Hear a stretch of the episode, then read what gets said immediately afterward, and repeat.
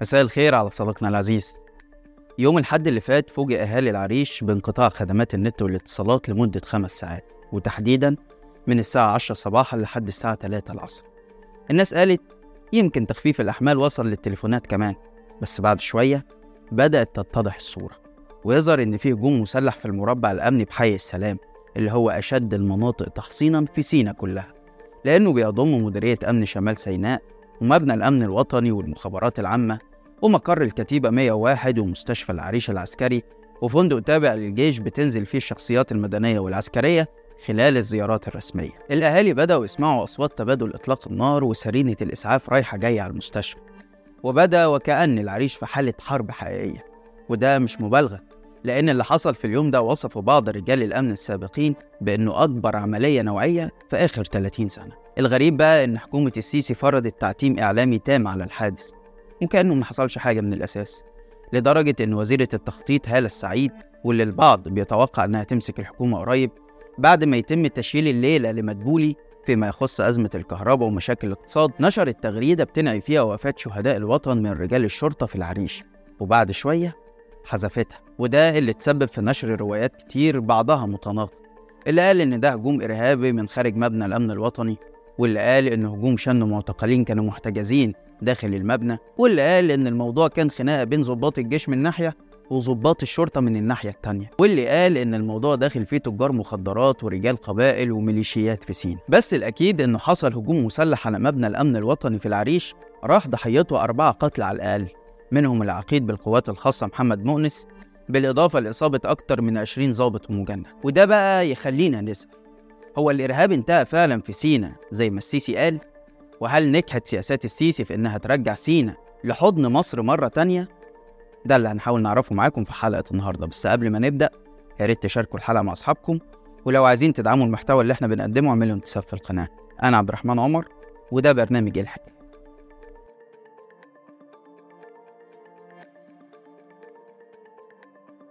موضوع الإرهاب الحمد لله إحنا نجحنا بنسبة كبيرة جدا إن إحنا نخلصه. وفي احتفالية إحنا هنعملها مش هنا في مصر هنعملها في العريش ورفح والشيخ زويد. أهلا بيكم في ظل الصمت الرسمي ومحاولة إخفاء حادث كبير عن الشعب المصري نجح صحفيين وحقوقيين مصريين وأجانب إنهم يوصلوا صورة شبه مكتملة عن حقيقة اللي حصل في العريش الشقيقة اللي هي بحسب كلام السيسي مش في مصر وكالة أسوشيتد بريس وصلت لمصادر أمنية وطبية في العريش ونشرت نقلا عنهم إن مبنى الأمن الوطني تعرض لإطلاق نار على مدى ساعات طويلة ما أدى لمقتل أربع ضباط على الأقل بينهم ضابط برتبة كبيرة وإصابة ما لا يقل عن 21 آخرين من عناصر قوات الأمن. الوكالة الأمريكية حصلت على قائمة بأسماء الضباط المصابين وقالت إنهم أصيبوا بطلقات نارية وبعضهم واجه صعوبات في التنفس نتيجة إطلاق الغاز المسيل للدموع. وكالة رويترز نشرت هي كمان الخبر بس أضافت تفصيلة خطيرة جدا. لما نقلت عن مصادر أمنية طلبت عدم الكشف عن هويتها إن مصدر الهجوم هم معتقلين داخل مبنى الأمن الوطني بعد ما نجحوا في الاستيلاء على أسلحة وهجموا القوات المتمركزة هناك فيما يبدو وكأنها محاولة فرار من مركز الاعتقال غير القانوني. وقالت الوكالة أنها تواصلت مع وزارة الداخلية لكنها رفضت التعليق مؤسسة سيناء لحقوق الإنسان أكدت الرواية اللي نشرتها وكالات الأنباء الأجنبية وقالت إن المعلومات اللي عندها بتفيد إن منفذي الهجوم كانوا معتقلين غير رسميين في مبنى الأمن الوطني بالعريش وإن الرواية الرسمية اتأخرت أو غابت خالص لأنها لو طلعت هتكون اعتراف من السيسي بأن مقرات الأمن الوطني بيتم استخدامها لاحتجاز وتعذيب المواطنين خارج إطار القانون. وقال مديرها الأستاذ أحمد سالم إن مؤسسة سيناء وثقت بالفعل احتجاز عشرات المواطنين في مقر الأمن الوطني اللي شهد الحادثة. شعور الأجهزة أو السلطات المصرية بالحرج الشديد من إعلان أنه الهجوم تم من خلال آه، محتجزين غير رسميين داخل مقر جهاز الأمن الوطني. ده بيأكد الرواية اللي كل المؤسسات الحقوقية ومنظمات المجتمع المدني المصري آه، اللي بترصده في تقاريرها منذ سنوات إنه مقرات أجهزة الأمن الوطني بتستعمل كمقرات للاحتجاز والتعذيب غير الرسمية. الرواية دي رغم إنها الأقرب للصحة لأنها اعتمدت على شهود عيان ومصادر ميدانية وأمنية كمان لكنها غير مكتملة. وخلت الناس تطرح سؤال مهم عن مصير المهاجمين هل هربوا ولا اتمسكوا ولا تمت تصفيتهم وده بياخدنا لصحيفة الأخبار اللبنانية اللي نشرت معلومات عن عمليات ملاحقة بيجريها الجيش بالتعاون مع مجموعات قبلية مسلحة بحثا عن الجناه بهدف تصفيتهم ميدانيا. ويمكن لما الجيش يعمل كده يطلع البيان الرسمي اللي طال انتظار. في نفس الوقت فوجئ المصريين بصبري نخنوخ البلطجي بحكم المحكمة حتى لو السيسي خرجه من السجن بعفو رئاسي. وهو كاتب على صفحته الرسمية إن العقيد محمد مونس حبيبه وأخوه وعشرة عمره. وده اللي أثار استغراب الناس. لأن إيه العلاقة اللي ممكن تجمع ضابط شرطة بيخدم في سينا؟ مع زعيم بلطجية. كمان صدر تعزية رسمية من اتحاد قبائل سيناء اللي هي ميليشيا من مجموعة قبائل بيقودها رجل الأعمال والسجين السابق إبراهيم العرجاني اللي اتكلمنا عنه على السريع في حلقة فساد عائلة السيسي. ولسه هنتكلم النهاردة أكتر عن الدور الخطير اللي بيلعبه ومسؤوليته عن الأحداث في سينا. بعد كل ده طلع عمرو أديب عشان يغرد خارج السرب. ويتناول الحدث اعتمادا على بعض المصادر منها تغريدة الوزيرة اللي اتحذفت بعد كده. واضح إن تعليمات السامسونج بتوصل متأخرة شوية لعمرو يمكن عشان شغال في قناة سعودية. لأن لو التعليمات كانت وصلت له مظبوط كان هيعرف إن الوزيرة هتحذف التغريدة وإن المؤسسات الرسمية مش هتجيب سيرة الحادث خالص. المهم عمرو خدته الحماسة وقال لك أكيد دولتنا هتطلع تقول لنا إيه اللي حصل وبلاش ناخد أي أخبار من بره. ونستنى المسؤولين بتوعنا. وبعدين هدى الريتم شوية وقال لك يولع الإعلام والتذهب الصحافة إلى الجحيم. ولما تشوفوا الوقت مناسب يا جماعة قولوا لنا إيه اللي حصل. والسيناريو اللي تلاقوه مناسب قولوه لنا وإحنا شاريين. وكأنه بينصح المسؤولين إنهم يطلعوا أي رواية تعجبهم بدل الصمت اللي ممكن يخلي الناس تدور بنفسها وتوصل للحقيقة. محدش هياخد أي معلومات من بره دي المعلومات موجودة إيه علشان حضراتكم تهدوا لغاية اما دولتنا المصرية تقول لنا إيه الحكاية. والوقت اللي أنتوا حضراتكم هتشوفوه مناسب والمعلومات اللي هتشوفوها مناسبة إحنا هنسمعها. تخيل يا صديقي إن حدث بيحصل في مصر يبقى المواطن هو آخر من يعلم وحتى لما يدور على معلومة يلاقيها في الإعلام الأجنبي لأن إعلام بلده متأمم. وقرطة الصحفيين اللي في البلد شغالين بتعليمات السامسونج ومكتفيين بدورهم في تبرير الفشل وتجميله. ولما تحصل أزمة كهرباء والناس أشغالها وحياتها تتعطل يطلعوا يضحكوا علينا بأخبار قديمة وكاذبة كمان. زي ما شفنا قناة القاهرة الإخبارية اللي المفروض المخابرات عاملاها علشان تنافس القنوات الدولية والإقليمية. وهي بتنقل الخبر إن شركة الكهرباء البريطانية بتحذر مواطنيها من احتمالية قطع الكهرباء ثلاث ساعات يوميا بسبب ارتفاع درجات الحرارة وأزمة الغاز. والحقيقة إن ده تقرير قديم كان اتنشر في بدايات الحرب الروسية الأوكرانية وطلعت الحكومة البريطانية وقتها وطمنت مواطنيها وقالت إنها مش هتواجه لا أزمة غاز ولا أزمة كهرباء. وفعلا عدى الشتاء اللي فات على دول أوروبا بدون ما تتأثر بنقص إمدادات الغاز لأنها لقت بدايل. ويؤسفني أقول لك إن واحد من البدايل دي كان الغاز المصري اللي المصريين نفسهم مش لاقيينه دلوقتي. وأنا طبعا مش ضد تصدير الغاز ولا الكهرباء لدول تانية. ده يوم المنى. بس الأول نحل أزماتنا ونكفي احتياجاتنا وعلى رأي المثل اللي يعوزه المصري يحرم على الأجنبي ولو مش قد الشيلة يا سيسي ما تشيلش.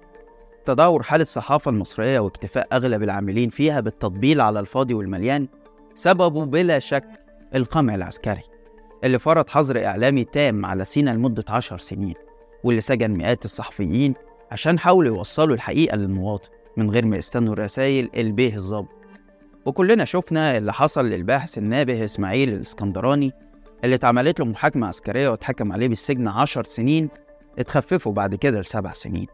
وكل ده بسبب تقاريره الميدانية عن الصراع في سينا رغم إنه كان أول شخص نبه لخطورة واحد زي هشام عشماوي.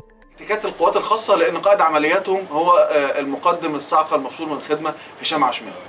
تمام؟ اللي كان عامل لهم معسكر في أماكن معسكرة الصاعقة المصرية في طريق السويس. السيسي اللي عايز يعمل حفلة في العريش يحتفل فيها بنهاية الإرهاب مش واخد باله إن أصدقائه في الناحية التانية دولة الاحتلال عينهم على سينا وغايتهم إنها ما ترجعش لحضن مصر تاني وده الهدف اللي للأسف فشلت فيه الأنظمة المتعاقبة على حكم مصر من بعد انتصار أكتوبر 73 لأننا حررنا سينا بدم وعرق جنودنا بس فضلنا نعامل أهلها من منظور أمني بحت نقرب منهم قبائل ونعادي قبائل تانية.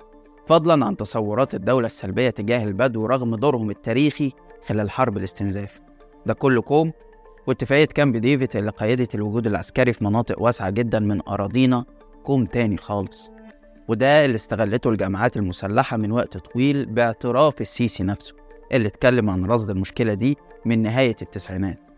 والحقيقة إن كلامه ده كان فيه إقرار بإنه واحد من المسؤولين عن الوضع الأمني المتدهور في سينا. من وقت ما كان نائب رئيس جهاز المخابرات ثم رئيس للجهاز نفسه سنة 2010 كنا بنناقش الوضع فكنا شايفين إن خلال سبع سنين اتشكلت بنية أساسية ضخمة في شمال سيناء الش- البنية الأساسية دي عبارة عن مخازن للاسلحه والذخيرة. السيسي اللي كان واحد من المسؤولين عن ملف سينا الأمني وقت حدوث المشكلة في سنوات الألفينات البعض بيروج له باعتباره هو اللي خلص سينا من الإرهاب عبر سياساته العسكرية اللي هو سماها القوة الغاشمة اللي مارسها نظامه بحق أهالي سينا من 2014 حتى يومنا هذا واللي شملت تهجير قسري لعشرات الآلاف من المواطنين وهدم بيوتهم وقصفها بالطيران وتنفيذ إعدامات ميدانية بحق المئات من بينهم أطفال تم قتلهم على الهوية لمجرد انتمائهم لقبائل معينة. زي ما كشفت فيديوهات مسربة صورها ضباط الجيش بنفسهم. والأخطر من كده تجنيد مدنيين والإشراف على تكوين ميليشيات لمساعدة الجيش في حربه ضد المسلحين والسيطرة على سينا. بس خلونا قبل ما نتكلم عن التأثير الحقيقي للسياسات دي ونشوف هل هي فعلا كانت مفيدة ولا لأ. لازم نفتكر إن السيسي وقت حكم مرسي رفض إن الجيش يشارك في مواجهة الجماعات المسلحة في سينا. وقال إن دي مهمة الشرطة المدنية وإن الجيش قوة تدمير ما يقدرش يخوض حرب عصابات من غير ما يلحق ضرر بالغ بالأهالي وأكد كمان إن المواجهة العسكرية لوحدها مش هتكون حل.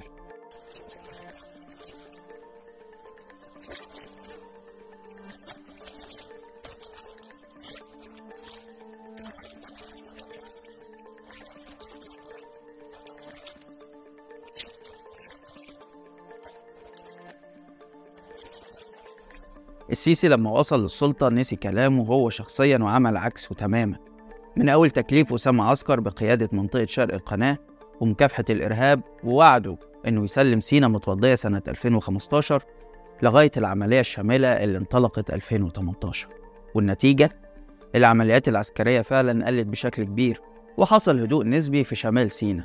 وعلى قولة السيسي قدرت الدولة المصرية لأول مرة من 8 سنين إنها تنزل طيارة في مطار العريش. بس الحقيقي بقى واللي مش هيتشاف دلوقتي لكن هتظهر آثاره في المستقبل هو التمن اللي اندفع عشان المشهد الهادي الحالي يخدعنا ويخلينا نقول إن الإرهاب انتهى. التمن ده هو عداوة وطار بنته الدولة مع أطراف عديدة وآلاف المواطنين في سينا اللي فقدوا أبنائهم في القصف العشوائي أو التصفيات الميدانية واللي تعذبوا في مقرات الأمن واحتجزوا لفترات طويلة خارج نطاق القانون. وغيرهم من الضحايا اللي تعرضوا لانتهاكات عديدة. التمن ده هنعرفه لما في كل نقاش مع أهالي سينا تسمع كلمة تهجير. ومش هينفع إننا ندفن راسنا في الرمل ونقول لا ما حصلش تهجير أو ما فيش تهجير زي ما بيعمل السيسي. ولا إنك تلوم الأهالي وتتهمهم إن هم اللي سابوا أراضيهم للمسلحين زي ما عمل قائد الجيش التاني الميداني. أنت قلت كلمة الدكتور صلاح بيقول اللي إيه؟ المهجرين. يا دكتور صلاح إحنا ما هجرناش حد. إحنا ما هجرناش. يا دكتور آه. من فضلك من فضلك من فضلك من فضلك استريح لو سمحت. طب اتفضل مستريح. يا دكتور استريح. اتفضل. طب اتفضل استريح. اتفضل استريح لو سمحت. فاحنا ما هجرناش حد. ما عندناش حد متهجر ما عندناش حد متهجر ده حقيقي. التهجير يعني إيه يا حاج صابر؟ التهجير يعني إيه؟ قوة قوة نظامية دخلت عليك بسلاح أرهبتك وخوفتك وسبت مكانك. القوة النظامية اللي في البلد كلها هي القوات المسلحة التمن كمان اللي بيندفع ولسه هيندفع هو ظهور أمراء الحرب المستفيدين سياسيا وماديا من الصراع زي إبراهيم العرجاني اللي النهاردة هو رجل أعمال صاعد بقوة في عالم البيزنس وفي نفس الوقت قائد ما يسمى اتحاد قبائل سيناء ودي للي ما يعرفش مجموعات مسلحة أسستها قبيلة الترابين وعدد من القبائل الأخرى بدعم ومساندة من الجيش. حكاية العرجاني معروفة. عشان كده أحكي لكم لمحة منها وأسيب لكم في وصف الحلقة بوست كتبته صفحة الموقف المصري في تفاصيل أكتر عنه. البعض بيقول إن فيلم المصلحة اللي اتعرض سنة 2012 بيحكي القصة الحقيقية لإبراهيم العرجاني اللي ظهر باسم سالم المسلمي أكبر تاجر مخدرات في سينا وقام بدوره أحمد عز وعرض مقتل شقيقه سليمان على إيد ضابط شرطة وده اللي حصل بالظبط مع أحمد العرجاني أخو إبراهيم. وبسبب الحادثة دي إبراهيم احتجز مجموعة من العساكر عشان يتقبض عليه في نهاية 2008 ويقضي حوالي سنتين في السجن. اتعرض خلالهم للتعذيب الشديد بحسب شهادته. المهم تعدي السنين وفجأة يظهر العرجاني تاني بس المرة دي وهو مترأس وفد قبائل سيناء اللي بتعلن دعمها للسيسي في انتخابات 2014 وبعدها يبقى العرجاني شريك الجيش في كل المشاريع اللي بتتعمل في سينا ويتم تخلية الساحة ليه لوحده عشان يحتكر كل حاجة هناك. من المجمع الصناعي للرخام والجرانيت لمجموعة نوادي سيتي كلاب وتطوير مطار العريش ومشروع التجلي الأعظم في سانت كاترين. ده غير بقى business المعابر زي شركة هيا وشغل إعادة الأعمار في غزة. والملف ده تحديدا العالمين ببواطن الأمور بيقولوا إن محمود السيسي بتربطه بالعرجاني علاقة قديمة. ولو رجعتوا الحلقة اتكلمنا فيها زمان عن محمود السيسي هتلاقوا إن مواقع تابعة للمخابرات زي القاهرة 24 هي اللي أكدت إن محمود السيسي خدم في سينا وإنه بتجمعه برجال القبائل هناك علاقات وثيقة من قبل الثورة. ولو سمعت شهادة نشطاء سيناويين هتعرف إن السيسي عمل صفقة مع العرجاني بحيث إن بزنس الأنفاق يطلع فوق الأرض ويبقى بشراكة مع المخابرات وتحديدا مع محمود السيسي. اللي والده عين العرجاني في يناير 2022 عضو في الجهاز الوطني لتعمير سيناء ويفتح له طاقة القدر عشان شغله يطلع من سينا لمصر كلها. فيدخل في شراكات مع صافي وهبة نسيب الرئيس اللي الكلام حاليا على إنه مجرد وسيط بيشغل فلوس ناس من عيلة السيسي. وإن المليارات اللي بيعملها دي مش بتاعته لوحده وياخد بقى العرجاني شغل بالمليارات في العاصمة الجديدة. وعقد تطوير حديقة الحيوان ويبقى الراعي الرسمي للفريق المصري البورسعيدي ثم للنادي الأهلي في كأس العالم للأندية. وبمناسبة الكورة لازم نفتكر إن مرة كده في بدايات ظهور العرجاني مرتضى منصور دخل فيه شمال وشتمه كعادته يعني. بعد ما قال إنه بيتلقى تهديدات من حد بيقول له أنا معايا إبراهيم العرجاني فطلع قال لك هو العرجاني ده بلطجي ولا إيه؟ بس الغريب إن مرتضى طلع بعدها بيوم اعتذر له في تصرف نادر جدا. وقال إنه ما كانش يعرف إنه بطل وطن. كل ده الثمن اللي مصر بتدفعه وهتدفعه من ورا سياسات السيسي في سينا سواء تقصيره لما كان رئيس المخابرات قبل الثورة أو القوة الغاشمة اللي استخدمها بعد وصوله للسلطة. ده كله غير البيزنس وشبهات الفساد اللي بتحوم حواليه هو وابنه محمود. بس كده. في النهاية حابب أشكركم من كل قلبي على التفاعل الكبير مع الموسم الجديد وأتمنى أن أكون دايما عند حسن ظنكم. لحد هنا والحلقة خلصت. شارك الحلقة لو عجبتك وتابع حساب شباك وحسابي على الانستجرام هتلاقي اللينك في الوصف. واستنانا كل يوم اتنين وجمعة الساعة 8 بالليل بتوقيت القاهرة في حلقة جديدة من برنامج إيه الحق سلام.